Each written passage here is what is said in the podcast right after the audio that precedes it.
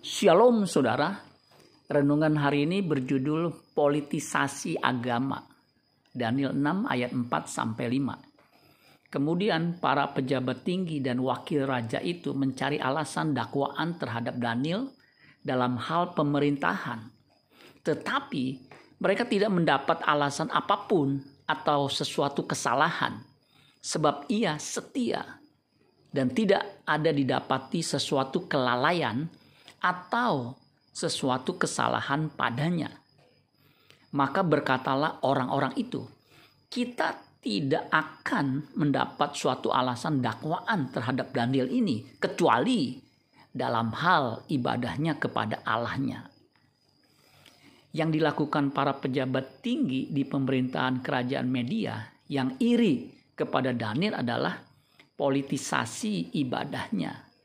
Ibadahnya Daniel demi menjatuhkan Daniel dan mengambil kekuasaannya. Ini adalah tindakan jahat. Memang Daniel sempat dimasukkan ke gua singa.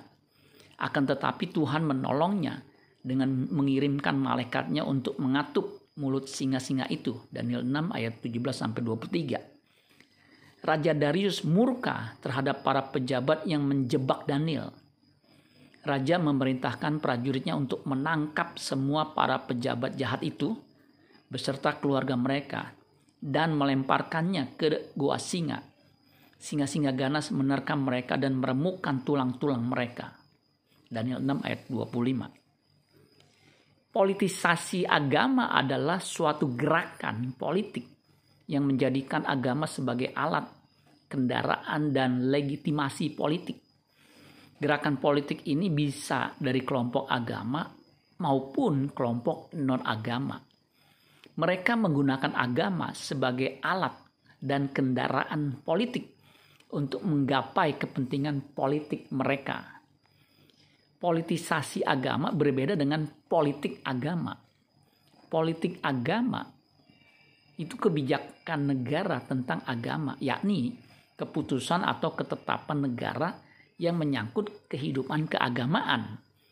Politik agama juga bisa berarti pandangan dan keputusan keagamaan tentang politik yang berkembang. Faktanya, ada saja para rohaniawan yang meletak yang melakukan politisasi agama demi kepentingan kedudukan mereka di pemerintahan, di gereja, dan di sinode sehingga terjadi saling melukai satu sama lain politisasi agama juga dilakukan para rohaniawan atau pemimpin gereja, yaitu upaya dan cara-cara pemimpin gereja dalam mempertahankan kedudukannya, kesetiaan jemaat kepadanya, dan pengumpulan uang, serta berbagai kegiatan yang pada dasarnya adalah untuk kebesaran pribadinya. Tidak jarang muncul pernyataan-pernyataan dan peraturan-peraturan dalam gereja yang dibuat si pemimpin dianggap sejajar dengan firman Tuhan, justru bertentangan dengan prinsip-prinsip Alkitab. Jika ada praktek politisasi agama di dalam gereja, hal ini akan mendatangkan murka Allah. Tuhan akan berkata, Aku tidak pernah mengenal kamu. Enyahlah dari hadapanku, kamu sekalian pembuat kejahatan. Amin buat firman Tuhan. Tuhan Yesus memberkati. Sola Gracia.